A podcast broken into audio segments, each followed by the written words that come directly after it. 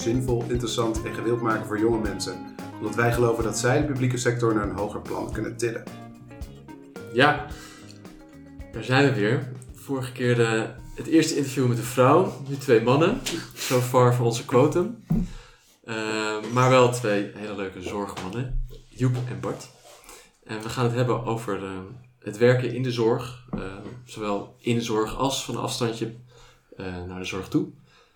En we hebben kort, elkaar kort gesproken, jullie kennen elkaar nog niet. Dus ik zou jullie vragen, Bart, wil jij je voorstellen aan Joep en daarna Joep aan Bart? En vertel waarom je hier bent. Oké, dat gaat wel lukken. Ehm, ik ben Bart, 30 jaar, woon in Amersfoort. En uh, denk nu zo'n acht jaar uh, actief in de zorg. Uh, niet, nooit in dienst geweest bij een zorginstelling, maar altijd vanuit een adviesschool, zeg maar, of uh, interim basis. ik werk voor Oldenburg Monzel, ooit begonnen na mijn studie. Ik heb bedrijfskunde gedaan in Groningen.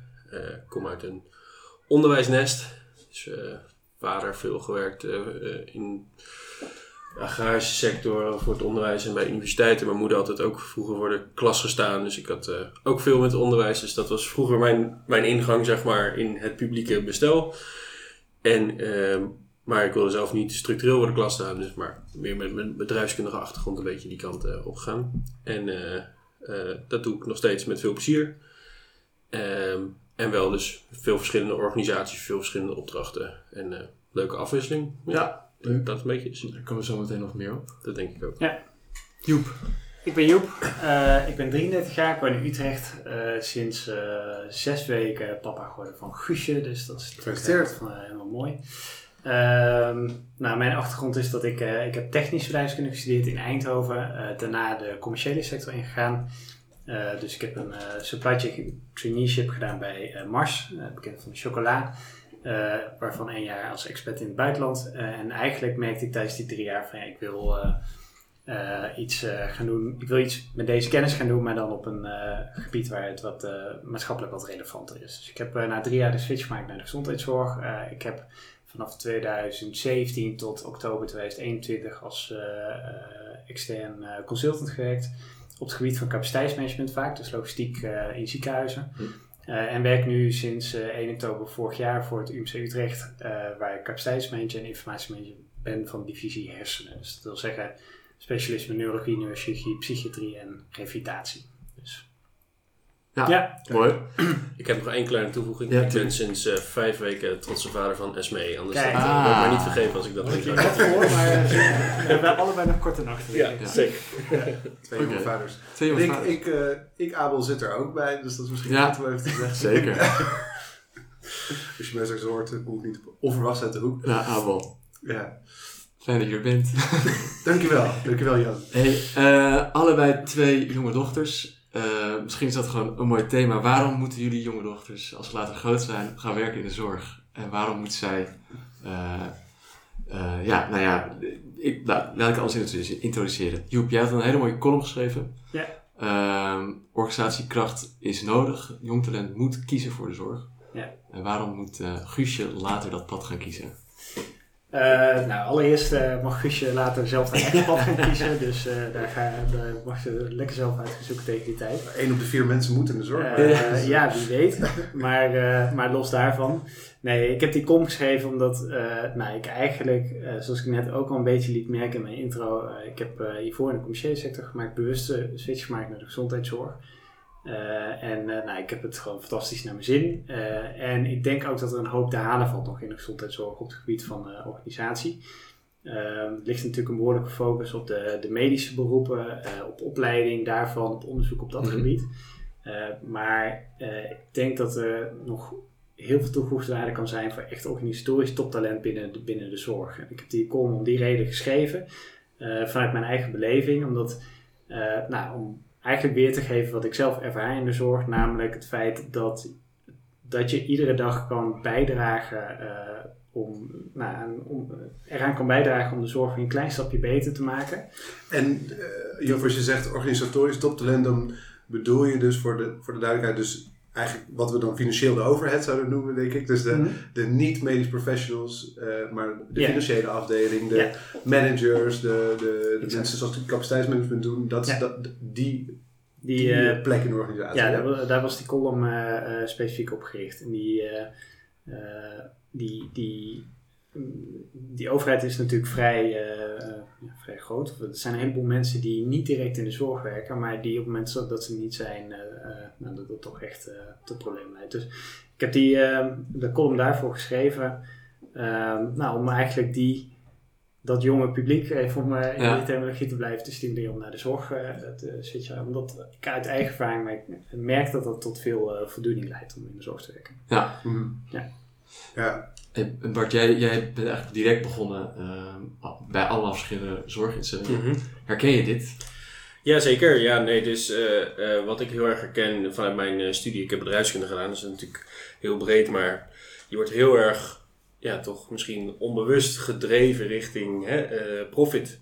Mhm. Elke case gaat over IKEA, Shell en Philips, maar er gaat weinig maar over hey, hoe komt de universiteit waar je werkt, hoe komt die aan zijn geld, waar je studeert, hoe komt die aan zijn geld, of nou, een ziekenhuis in je eigen stad, hoe houdt die zeg maar financieel Ja, vanuit mijn perspectief dan het hoofd boven water. het begint op de studie dus eigenlijk. Ja, dat denk ik wel. En ehm, eh, ja, het heeft toch nog een beetje, dat had ik vroeger ook hoor. Kijk, onderwijs trok me heel erg, maar toen ik voor het eerst hoorde mijn eerste opdracht in een ziekenhuis was, had ik toch een beetje van, goh, wat moet ik gaan verwachten? Toch een beetje, Wat, wat- hoe kwam je bij die eerste opdracht? Toen... eh, ja, gewoon via het bureau eh, waar ik voor werk, ja. zeg maar via Oldenburg-Monsel, eh, werd dat gewoon, ehm, eh, werd ik geplaatst daar als financieel adviseur. Ja, Ehm, specifiek voor de acute eh, zorg en de chirurgie eh, en de intensive care en dat soort eh, dingen.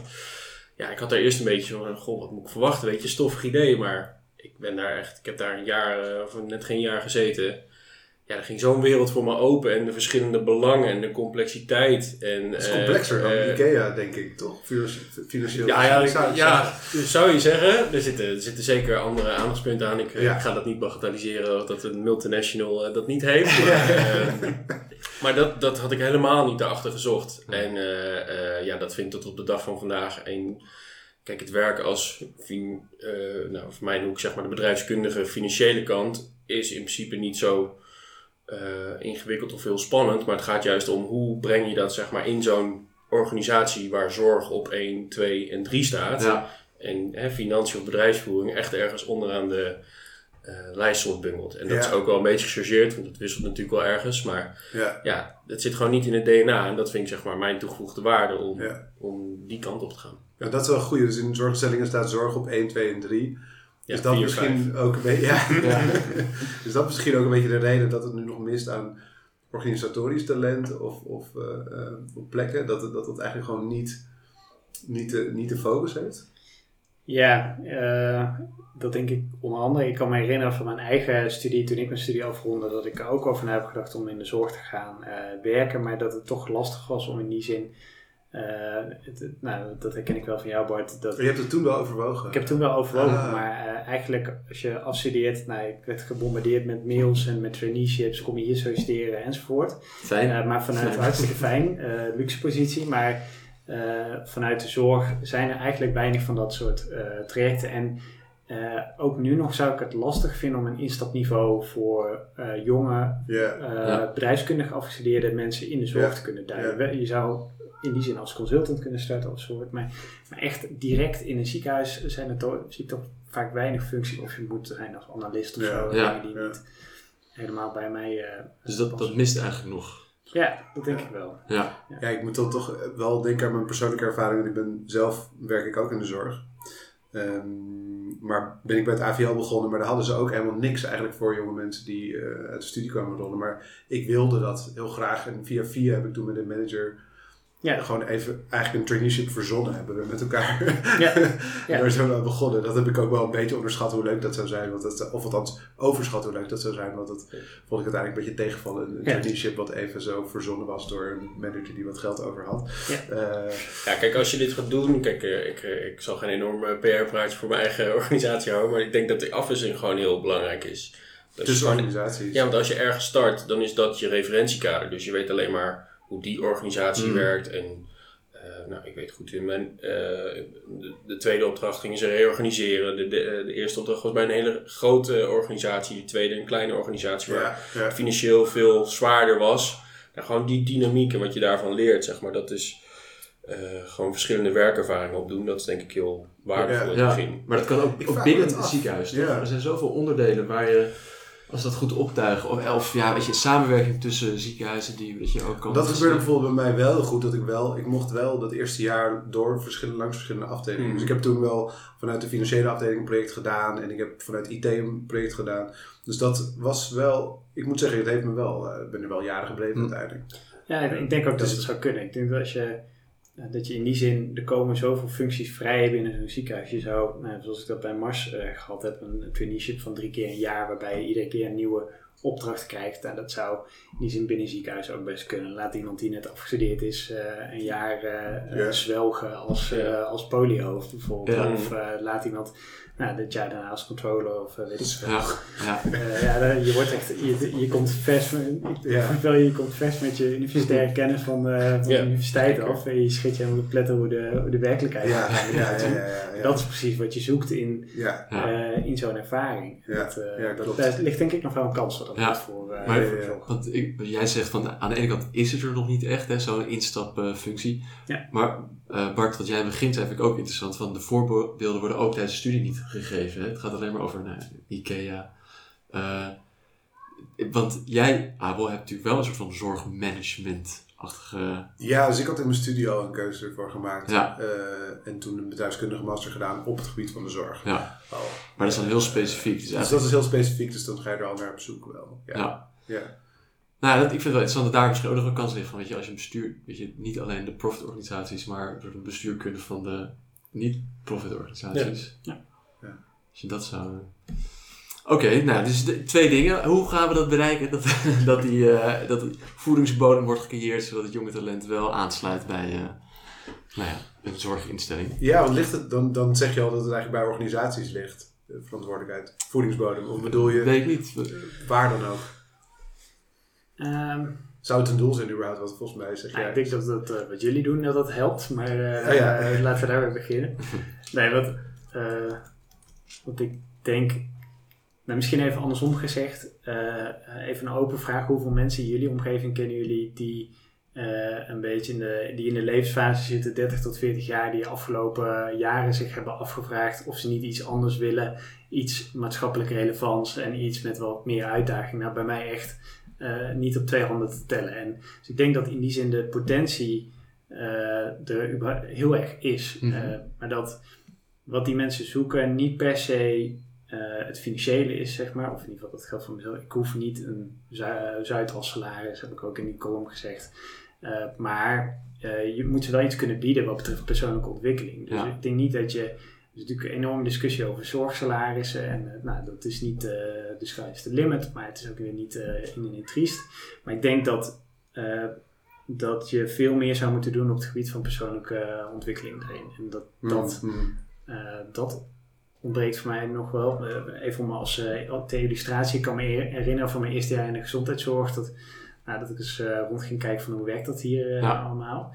Eh, en toen waren er gewoon regelmatig mensen die over sprak die op het gebied van persoonlijke ontwikkeling niet eens een, eh, een jaargesprek hadden. Zeg Nee. Ja, Eh, ja. dat, dat gebeurt gewoon regelmatig niet, zeg maar, onder het mond dat was je we bij je vorige baan wel, bij Mars. Was ja, meer. ja. dat, eh, en soms ging dat iets te ver door. Dus dat Mhm. mensen die eh, nou, een half jaar voor hun pensioen zaten, nog werden gevraagd om, eh, ja, je moet toch echt je ontwikkeling inleveren en eh, zo, zeg maar. Dus dat je denkt, nou, dit, dit, gaat, dit gaat ook een beetje zijn doel voorbij. Ja. Maar ik vind dat, eh, nou dat is misschien, misschien zou je het zo kunnen zeggen, ik vind dat in de zorg eh, iets te vaak ontwikkeling is jouw ding en daar willen we wel, wel bij ondersteunen. Ja. Eh, waar ik bij Mars meer ervaarde van, ja, weet je, of je nou wil of niet, we, wij verwachten ook van jou dat je gaat ontwikkelen. En Ja, dat, ja. eh, dat die switch zou maar... Ja, dus meer begeleiding daarin, Ja. zeg maar. Een Ja, en beetje coachen, Ja, laten Eh, zien wat kan. en, en eh, vragen van mensen dat ze zich ontwikkelen. En Dat Ja. dat niet vrijblijvend is. Dus op het moment dat je goed hebt gepresteerd, maar je eh, te weinig hebt ontwikkeld, dan kan dat eh, ook gewoon niet voldoende zijn. Ja, even ja. in het extreme. Ja. Dus, Ja, eh, er, zijn weinig, er zijn eigenlijk weinig banen waar je zo even eh 10, 20 jaar kan blijven zitten op één functie. Ja. Maar in de zorg kan dat in ondersteunende functies wel heel goed. Volgens mij, als je Ja. ergens zit en je hebt het naar je zin, of althans niet, niet naar je zin, dan zou je daar gewoon eh, decennia kunnen blijven. Eh, Ja. dan Ja. verwacht niemand van je dat je dat. eh, Ja. Ja. Ik ben benieuwd, Bart, jij ziet natuurlijk heel veel zorgorganisaties van Mhm. binnen. Wel denk ik het meeste van ons heb jij gezien. Wat, wat, kom je, wat kom je tegen bij die verschillende organisaties? In de zin van, specifiek? Ja, dus, dus Nou, misschien wel wat, wat eh, Joep net zegt van de, het, het uitdagen tot ontwikkelen of het begeleiden van eh, de mensen die er werken.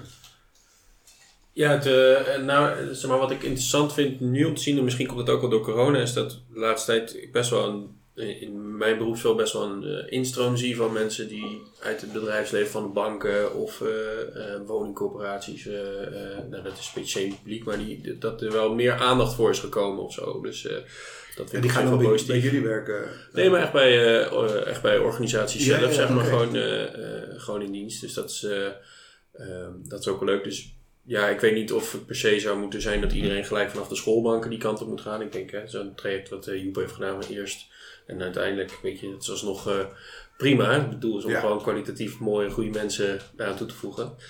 Ja, wat ik, wat ik zie, zeg maar, dat zijn ja, wisselende dingen. Ik denk waarin je als zeg maar, ondersteuning of adviseursrollen zeg maar, heel goed in kan helpen, is dat ehm, zorgorganisaties in zijn algemeenheid gewoon heel erg worden geleid door inhoudelijke professionals.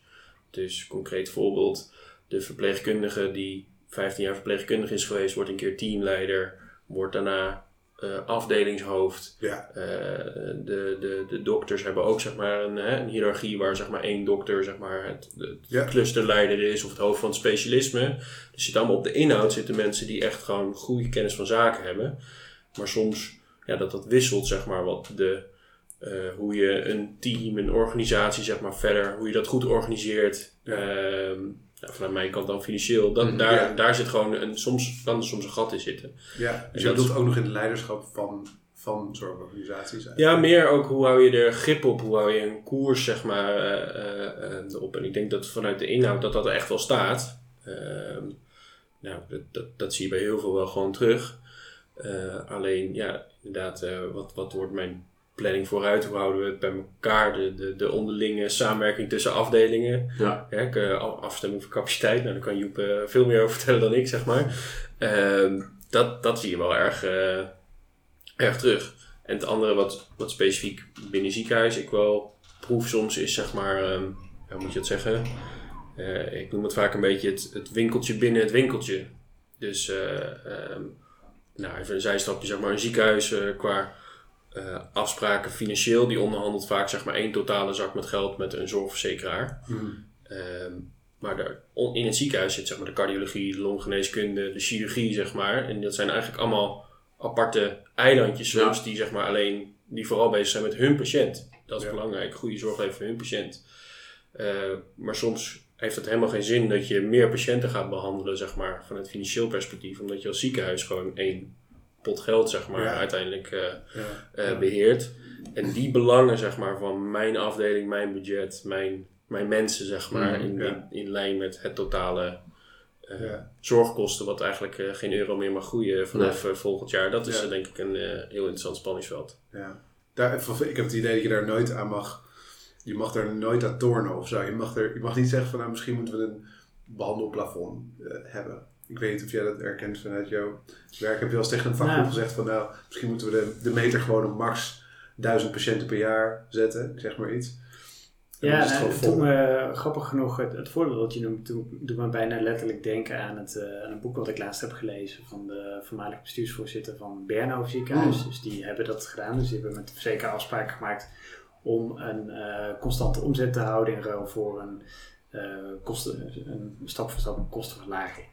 Ehm, en ze zijn heel erg op in gaan zetten op, nou, we willen eigenlijk hetzelfde aan de patiënten zien, maar minder zorg per patiënt. Ja, en wat ik daarbij, grappen toch? Ja, het echt. precies. Ja, wat ik eh, daarbij heel inspirerend vond om te, eh, om te lezen, is dat dat dus betekent dat je niet alleen afspraken op macroniveau maakt, dus Mhm. tussen verzekeraars en het ziekenhuis, maar dat die vervolgens er ook gaandeweg achter is gekomen dat vervolgens het verdelingsmodel binnen het, tussen specialismen eh, dat als die vervolgens eh, nog steeds op productie gebaseerd is, en dat was het, dat dan vervolgens alsnog iedereen een impliciete productieprikkel heeft om, ook al is het een vast, vaste omzet, alsnog zo hard mogelijk te gaan werken om zoveel mogelijk van die omzet te krijgen. Ja, Ja. ja, ja, Dus dat ze ook die prikkel om hebben moeten vormen naar, eh, naar een vaste verdeling. Dat vond ik, Ja, eh, ja. dus dat herken ik wel. Ja. Dus het is wel... Dus van die winkeltjes binnen, winkel, binnen het winkeltje af eigenlijk. Ja, Daar, ja. eh, het zijn Het, niet eh, eh 15 bedrijfjes Ja. binnen één grote... Nee.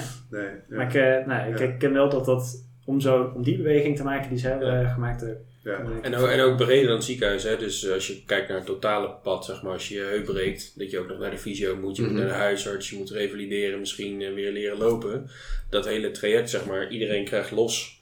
Iedereen is los met zijn eigen ding bezig. Terwijl, en dat is nu ook wel een trend die je ziet, zeg maar, als je naar het totale traject wat zo'n patiënt doorloopt. ja. Productie is ook een eh, leuke term overigens, waar je soms nog wel eens eh, de deksel op je neus krijgt. Eh, we hebben geen productie, we hebben alleen patiënten. Ah, ja. Ja. Eh, of cliënten in de Ja. ouderenzorg. Maar eh, dus als je meer naar gewoon eh, binnen een organisatie of breed zeg maar naar zo'n traject gaat kijken, dat is eh, eh, Ja. denk ik, daar zit heel veel ruimte en eh, kansen denk ik in. ja. Nou, Ja. En botst het dan niet heel erg tussen nou jullie functies en die inhoudelijke expertise met andere belangen? Of wat het wel, hoe gaat dat? Nee, niet, meestal niet. Eh, een paar keer gehad dat het wel zo is. Maar de, eh, nee, wat, ik, wat ik merk is, is juist dat eh artsen en verpleegkundigen juist heel leergierig zijn om hier meer over te, te weten. Dus voor hun natuurlijk een, eh, ze zitten alleen maar in, in de, het dagdagelijks met die patiënt bezig. En ik merk juist dat ze het heel leuk vinden om meer te weten op, eh, op dit vlak. Wat ik wel de uitdaging vind in die zin, eh, en daarom vind ik het leuk om met capaciteitsmanagement bezig te zijn, is juist om die eh, complexe wereld van belangen, geld eh, enzovoort te vertalen in taal die voor eh, de professionals eh, relevant is. Ja. En, eh, nou, dat is Geen managementtaal. Geen, Nee. Nee, nou, Ja. en niet, per se, me- niet alleen managementtaal, maar ook gewoon de, nou weet je, eh, artsen slaan niet aan op, eh, ik geef regelmatig het voorbeeld in mijn werk dat ik had een eh, jaar geleden had ik een presentatie, een heleboel artsen in de zaal en er werden, eh, werd een resultaatrekening gepresenteerd en we stonden ton in de min, Ja. zo, weet ik veel wat. Ehm, en vervolgens stak een van de artsen stak daar zijn hand op en die zei van oké, en wat kan ik hier eigenlijk nu mee? En we hadden als organisatie op dat moment geen antwoord op. En dat, dat is wat volgens mij eh, beter zou kunnen, is dat we dat veel eh, tastbaarder maken in, nou weet je, als ja, ja. arts moet je ervoor zorgen dat je nou, op de dag patiënten op tijd genoeg ontslaat, zodat je eh, op hetzelfde bed een andere hulpbehoevende patiënt in de Mhm. loop van de dag kan ontslaan. Dat soort, dat soort tastbare dingen. En ik vind dat de, nou, laten we zeggen, de, de, de piramide, dat die niet altijd goed uitwerken, zeg maar, tot dingen waar artsen en verpleegkundigen ook iets eh, mee kunnen. Dat hoeft overigens niet ja. alleen op, eh, eh, op financiën te zijn, wat mij betreft, maar hetzelfde geldt voor de toegankelijkheid van, van zorg. Ja. Eh, Maar als we eh, toch even bij financiën blijven, want dat is natuurlijk ook, want daar ben ik wel benieuwd van, kunnen we die vertaling wel maken naar, kan je zeggen van een ton in de min en wat, wat betekent dat dan voor Ja, een uroloog Ja. of zo? Ja, of een- ja hoor. ja? 100%. Oké, Ja. dus dat is wel, dat is gewoon een Het is een kans uitdaging. eigenlijk. Ja, het is zeker een uitdaging. Ik denk, eh, eh, wat, wat Joep zegt, volgens mij, eh, de leergierigheid is er, volgens mij is de noodzaak begint er ook steeds meer te komen. Dus Ja. als dat Mhm. mooi hand in hand oploopt, dan... eh, En dus de noodzaak om iedereen in de organisatie mee te nemen voor, voor het gedeelde Ja. resultaat. En het gaat erom, zeg maar, hoe het breng je dit? Hè? Dus inderdaad, ik kan met een rapport komen inderdaad van, je overschrijdt een ton. Ja. Of, maar het gaat erom, dat is zeg maar een beginpunt van het gesprek. Het gaat erom, zeg maar, wat, wat, wat is inderdaad beïnvloedbaar? Wat zijn acties? Ja. En niet alleen maar wat hebben we gedaan. Maar ja, als er deels niet beïnvloedbare resultaten in zitten, dan is dat ook een gegeven. Maar dat moet je wel duidelijk eh, overbrengen. En aan de andere kant van, ja, wat kan er dan nog? En het hoeft niet altijd per se met minder te zijn, maar het kan ook gewoon zijn slimmer werken, eh, eh, processen verbeteren of juist eh, inzichten tussen afdelingen eh, delen. Ja.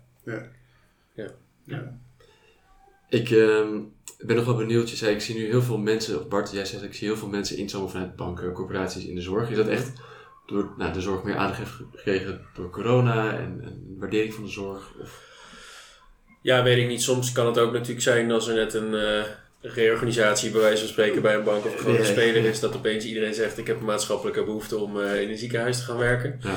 Ehm, Maar ik denk wel dat het de afgelopen tijd... Ja. maar, ik denk, nee, maar ik denk wel echt serieus, ben ik echt van overtuigd dat de afgelopen tijd het gewoon, doordat het meer in de spotlight is Ja. gestaan en eh, Ja, dat hè, ik. eh, de regelingen die zijn moeten getroffen om zeg maar, ervoor te zorgen dat ziekenhuizen echt niet in de financiële problemen Mm. zouden komen. Dat, dat is echt gewoon eh, heel hard werken, maar ook heel complex en ingewikkeld. ja. Eh, en dat, spreekt, dat spreekt denk ik veel mensen gewoon aan die dat voorheen ja, niet echt over hebben gedacht. Dat het nu ook meer in beweging komt en wat minder eh, eh, ja, stag- stagnerend lijkt of zo. Of Ja, een beetje ja, Ja. ouderwets.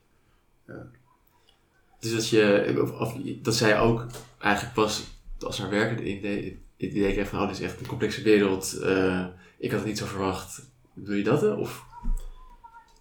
Ja, nou, ja dus dat, dat, dat op een of andere manier, eh, eh, veel mensen zijn natuurlijk nu wel eh, aan het nadenken van wat wordt de volgende stap. En Ja. duurzaamheid komt meer op de agenda, publieke dingen komt meer op de agenda. Dus het wordt meer ja, geaccepteerd om dat te doen waar je voorheen inderdaad als je finance of bedrijfseconomie had gestudeerd en je zei ja ik ga bij de gemeente werken om de hoek, dan zei iedereen joh wat, wat ga je doen zeg maar. Ja, hè, van, ja, ja, eh, ja. wat is dat nou? Misschien is dat nog steeds wel een beetje zo, maar dat, dat is langzaam wel een beetje eh, aan het veranderen. En hoe, hoe merk je dat dan? Gewoon door...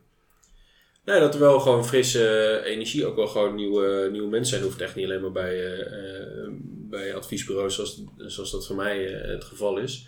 Maar dat je echt wel ziet dat er gewoon wel jonge aanwas is. Het is inderdaad zaak om, om mensen te behouden, zeg maar. En, Ja. eh, eh, Ja. en dat is denk ik een grote uitdaging. Dat zit deels denk ik in de begeleiding, maar ook deels denk ik in de doorgroeimogelijkheden die je op een gegeven moment hebt. Ja. Eh, een, een, een, een grote, een grote organisatie, zeg maar, ja, een groot ziekenhuis heeft misschien 50 mensen op de financiële afdeling werken. En dat zijn verschillende functies, zeg maar. Dus er is niet heel veel Ja. doorgroeipotentieel. Nee. Ehm, en dat is denk ik, zeker als je ambitieus en eager bent en je wil wat, dat is denk ik wel een, eh, een, eh, ja, een groot risico als je net eh, jong begint. Ja, Ja. ja.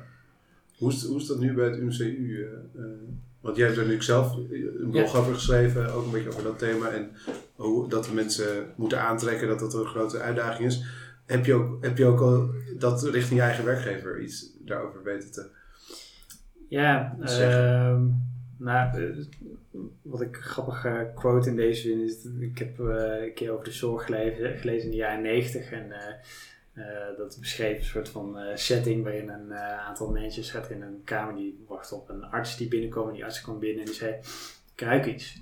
Overhead. en eh, eh, en eh, nou, als je dat als referentie neemt, en ik denk niet dat het zo is geweest, maar even als, als beeld, dan heb ik het idee binnen mijn prille carrière binnen de zorg afgelopen vier jaar dat, de, dat ook vanuit de professionals er steeds meer interesse is in nou, meer de bedrijfskundige kant van de zorg. En ik zie dat wel degelijk steeds dichter tegen elkaar aanschuren. Eh, en waarbij nou, denk ik in het verleden echt nog wel de traditionele maatschap hebt gehad. eh, wij eh, als artsen boksen tegen het ziekenhuis. Heb ik de indruk dat dat steeds eh, Hmm. minder wordt. En dat vind ik wel vind ik heel, heel leuk. En daar, daar, daar ligt ook een taak voor ons als ondersteuners om dat te weten. Maar om even terug te komen Ja. op jouw vraag. Van, Ja. Zie je nou een verschuiving bij het UMC? Ik zie wel steeds meer eh, jonge mensen inderdaad ook uit de bankaire eh, sector, eh, onder andere bij Oké, het UMC, ja. binnenkomen. Eh, maar dat zou dan best wel wat meer komen. Dus op dit moment een, eh, een reorganisatie bezig van het eh, van PNO. Dus, eh, en nou, onder andere het team dat zich specifiek hierop gaat richten. Dus eh, wie weet wat voor eh, talentvolle collega's ik binnenkort Ja. tegemoet kan zien. Ja. En hoe is het voor jou, Bart? Want jij, jij komt op veel plekken. Is dat een gesprek dat je aangaat bij, eh, bij je op, huidige opdrachtgever? Bij. Nou, wat ik wel terugzie is dat er veel eh, organisaties wel nadenken over hoe gaan we meer, ja, hoe noem je dat, meer eh, gelaagdheid in bepaalde functies aanbrengen. Dus waar voorheen nog inderdaad mensen die eh, nou, heel, veel, heel veel werkervaring al hebben, dat, soms heb je uitstroom gewoon Mhm. door hè, pensioen. Maar ook omdat zo'n functie soms wel verandert, dat er veel meer werk soms bij komt. Eh, het is echt, nou, vanuit mijn functie, het is echt niet alleen maar geld of financial. Je moet juist heel erg met die datakant, met heel veel echt inhoudelijke vraagstukken, zeg maar, mee kunnen denken, die werkvloer begrijpen. Dus er komt heel veel extra werk bij. Dat ze dan ook wel zeggen van, nou, misschien is het goed om junior laag toe te voegen, die zeg maar meer een beetje de ondersteunende rol, het analytische werk zeg maar voor ons doet. Dat kan zijn voor onderhandelingen met zorgverzekeraars. Maar misschien ook inderdaad, ik ken het ook bij capaciteitsafdelingen, dat er ook wel gewoon wat meer eh, eh, jonge mensen worden gevraagd om de eerste stappen zeg maar, daarin te zetten. Mhm. Dan zit je, dat is denk ik een hele leuke kweekvijver, zeg maar. Want je bent en nog gewoon Ja. operationeel bezig, maar je kunt ook langzaam gewoon een beetje zien van hè, de, de wat grotere plaatjes zeg maar, van zo'n organisatie waar je werkt. Dus dat zie ik zeker wel terug. Ja, Ja. ja. ja. dat denk ik heel waardevol. Ja, ik, eh, we hadden afgesproken om deze podcast te eindigen met de vraag van welk advies zou je je vijf, je tien jaar jongeren zelf geven. Eh, maar ik vind het eigenlijk interessanter om jullie advies te weten over, nou, naar richting de sector. Wat moet er gebeuren om juist dat jonge organisatietalent binnen te krijgen? Eh, mag aan de organisatie zijn, mag ook aan opleidingen zijn. En een soort samenvatten. We hebben natuurlijk al een aantal dingen gehoord. Ja. eh, eh, Oeh. Mm, of, of de belangrijkste boodschap. Belangrijkste boodschap. Ja. Ja, eh, mijn, nou, mijn, mijn advies zou dus inderdaad zijn om, om ook in te steken op opleiding van, eh, van eh, in de organisatorische sector. Ik kwam zeker in mijn vorige baan als, eh, als extern adviseur nog regelmatig eh, ja, de typische beleidsondersteuners eh, tegen, zeg maar, waarvan je denkt, nou, Hoe ziet die eruit? ja, hebben we allemaal een beeld of moet ik dit nog verder uit gaan werken?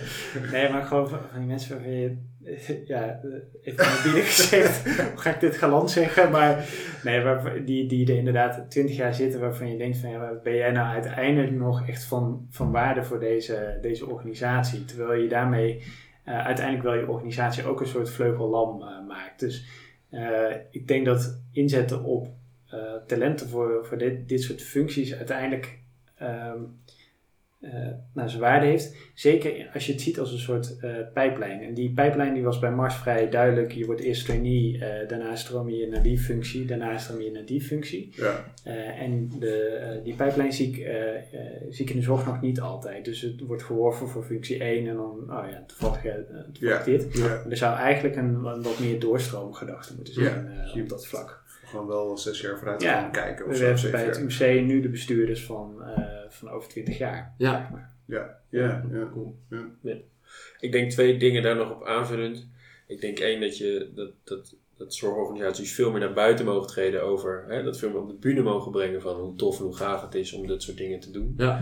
Ehm, dat dat echt veel meer op de voorgrond zou moeten mogen. In plaats van dat je nu moet gaan zelf. Volgens mij, als je nu wat wil, moet je echt zelf op zoek gaan van wat voor functies. En het is ook heel divers. Het ene, bij de ene heet de functietitel weer zo en dat. En wat, wat is dat dan precies? Ehm, dus ik denk verder een goede tip als je dit wel deze ambitie hebt om dit te doen, is ga gewoon mensen, zoek mensen op die al een beetje ervaring hebben van hé, hey, wat is dat dan precies? En kun je me helpen van wat vind ik leuk? Want het is gewoon heel divers. Mhm. Van beleid tot nou eh, management, tot capaciteit, tot financiën, HR. Het kan, het kan IT, het kan allemaal. Ehm, en ik denk het andere ding is dat ehm, ik denk dat er veel meer uitgewisseld zou kunnen worden van ervaringen. Dus Ja. ehm, ja, oké, je werkt ergens in een organisatie, maar hoe doet het ziekenhuis het in een andere provincie of het ziekenhuis in dezelfde stad? Lopen misschien tegen dezelfde problematiek aan. Ehm, ja, niet per se eh, om, om de beste geheimen zeg maar, uit te wisselen, Nee. maar gewoon, hey, hoe pakken jullie dat op? En van elkaar te leren. En dat denk ik wel dat ehm, in je eentje, er zijn grote organisaties zoals, eh, nou, je hebt wel vast ook een jong UMC of zo, waar zeg maar eh, 25 tot 35 bij elkaar zitten. Maar hoe leuk is het zeg maar, om af en toe, weet ik veel, een paar keer per jaar met een bepaald groepje bij elkaar te komen, een- één thema te hebben en dat te doen. Ik denk dat dat ook nog Ja, wel een goede ja. zou kunnen zijn. Misschien moet jong publiek daar een plek voor, voor worden. Een soort franchise. eh, Ja. Ja. formule. Ja. Mensen ontmoeten. Ja. Mooie tips. Eh, en ik hoor ook een open uitnodiging, Bart. Dus alle jongelingen die staan te springen om het vak in te gaan, die sturen naar jou door. Graag, ja. Of naar mij hoor. Dat- Oh ja, oké, allebei. Ja, eh, zeggen, volgens mij eh, staat iedereen te springen. Dus, eh, Ja. Ik zou liegen als dat niet zo was. Mooi. Nou ja, volgens mij hebben we, wat je net zei, eh, de zorg op de bühne gezet. In ieder geval een heel klein beetje. Eh, de drie luisteraars die we hebben. Uh, Abel maakte een grap eerder al. maar elke klein beetje helpt. En ik wil jullie heel erg bedanken voor het interessante gesprek. Ja, Leuk, Goed. Dank jullie wel. dit was een podcast aflevering van Jong Publiek. Heb jij net als ons het idee dat het anders of beter kan in de publieke sector? Kijk dan op jong-publiek.nl.